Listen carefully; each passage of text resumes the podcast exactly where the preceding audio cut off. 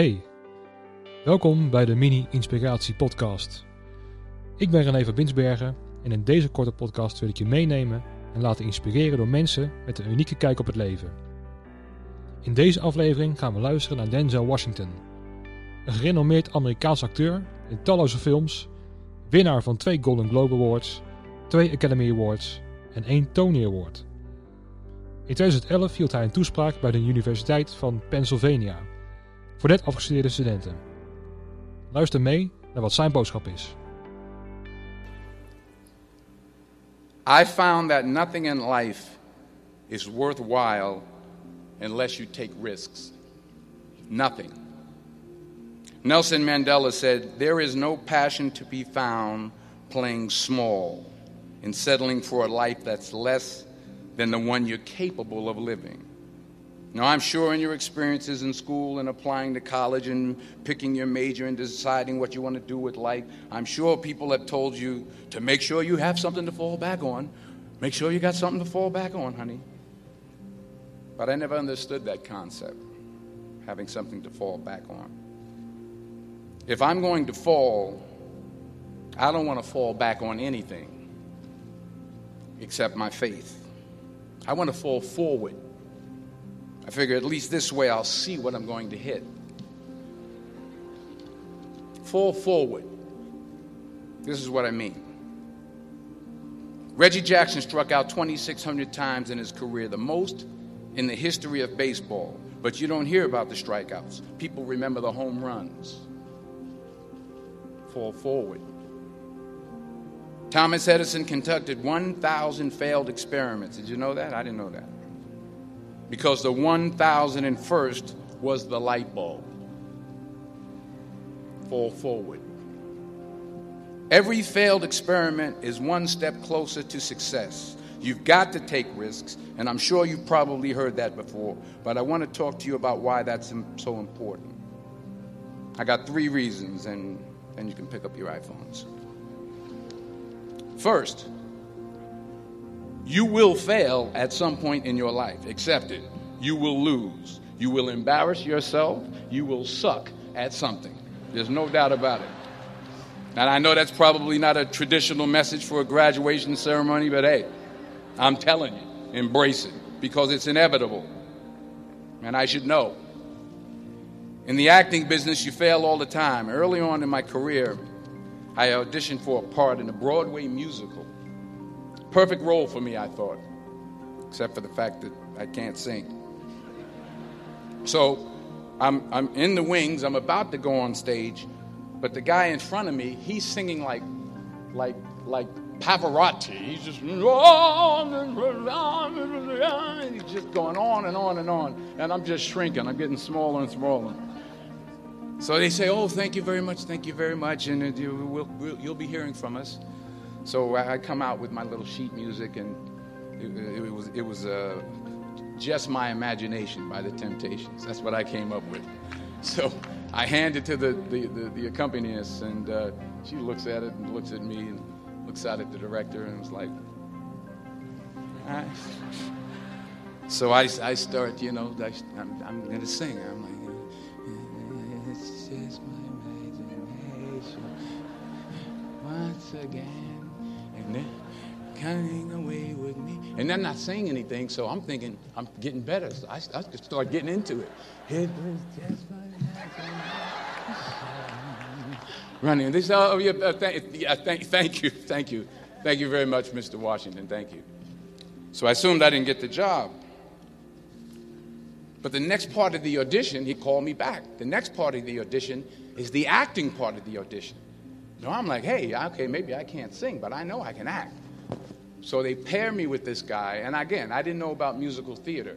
And musical theater is big, so they can reach everyone all the way in the back of the, of the stadium. And, and I'm more from a realistic, uh, naturalistic kind of acting where you, you know, you actually talk to the person next to you. So I, I don't know what my line was. My line was, well, hand me the cup. And his line was, well, I will hand you the cup, my dear. The cup will be there to be handed to you. I, I said, oh, okay.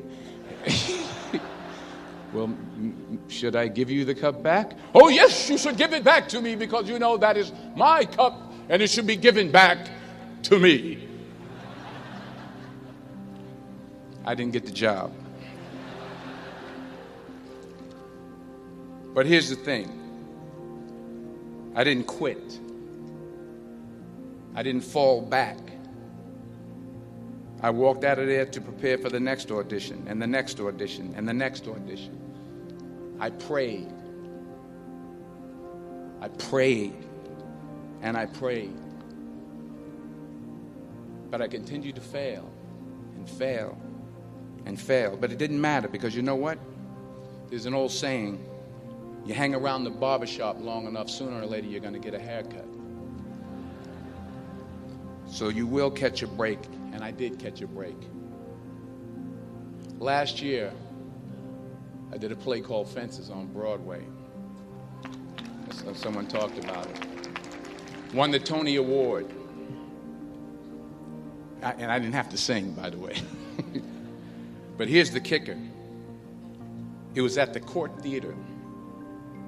It was at the same theater that I failed that first audition 30 years prior. The, the point is, and I'll pick up the pace. The point is, every graduate here today has the training and the talent to succeed. But do you have the guts to fail? Here's my second point about failure. If you don't fail, you're not even trying. I'll say it again. If you don't fail, you're not even trying. My wife told me this great expression to get something you never had, you have to do something you never did. Les Brown's a motivational speaker. He made an analogy about this. He says, Imagine you're on your deathbed, and standing around your deathbed are the ghosts representing your unfulfilled potential, the ghost of the ideas you never acted on, the ghost of the talents you didn't use. And they're standing around your bed, angry, disappointed, and upset. They say, We, we came to you because you could have brought us to life, they say. And now we have to go to the grave together. So I ask you today how many ghosts are going to be around your bed when your time comes? So the question is what are you going to do with what you have? I'm not talking about how much you have. Some of you are business majors. Some of you are theologians, nurses, sociologists. Some of you have money. Some of you have patience. Some of you have kindness. Some of you have love. Some of you have the gift of long suffering, whatever it is, whatever your gift is. What are you going to do with what you have?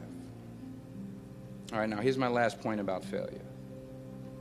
Sometimes it's the best way to figure out where you're going. Your life will never be a straight path. I began at Fordham University as a pre med student.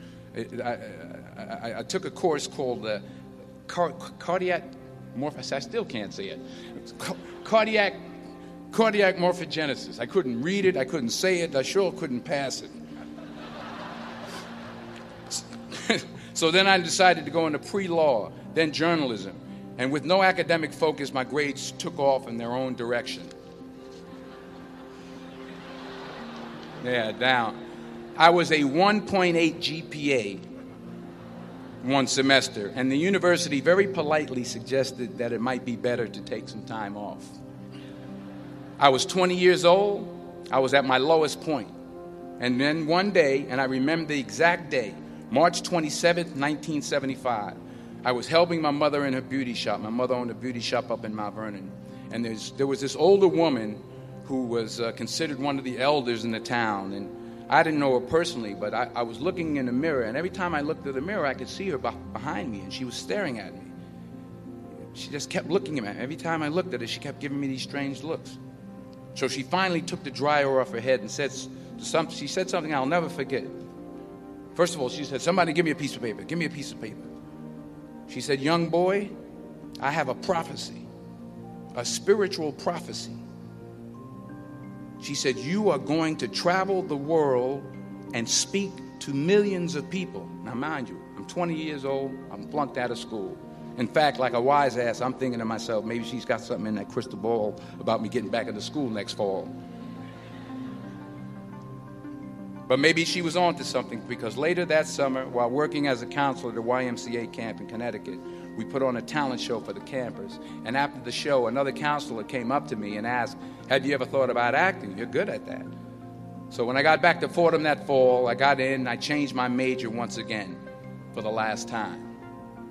And in the years that followed, just as that woman prophesied, I have traveled the world and I have spoken to millions of people through my movies. Because taking risk is not just about going for a job, it's also about knowing what you know and what you don't know. It's about being open to people and to ideas. In the course of the film, the character I play begins to take small steps, small risks. He very, very, very slowly begins to overcome his fears. And I feel ultimately his heart becomes flooded with love. And I can't think of a better message as we send you off today to not only take risks, but to be open to life, to accept new views, and to be open to new opinions. Because the chances you take, the people you meet, the people you love, the faith that you have, that's what's going to define you. So, members of the class of 2011, this is your mission. When you leave the friendly confines of Philly, never be discouraged, never hold back, give everything you got.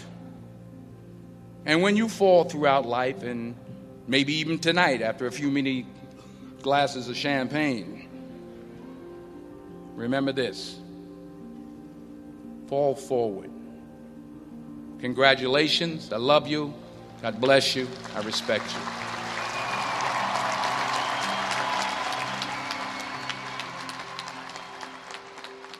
Falen hoort bij het behalen van succes. Maar hoe hielden Denzel Washington, Reggie Jackson en Thomas Edison het vol om door te gaan na vele keren falen? In hun ogen bestaat falen niet.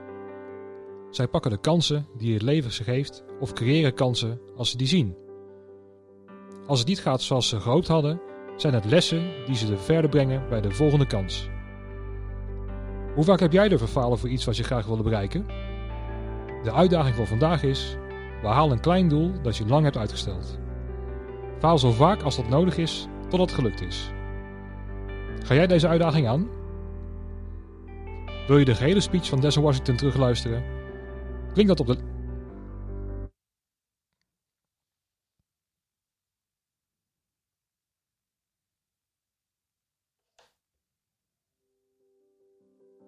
Wil je de gehele speech van Denzel Washington terugluisteren? Klik dan op de link in de beschrijving. Bedankt voor het luisteren, geniet van je dag en tot de volgende keer bij de Mini Inspiratie Podcast.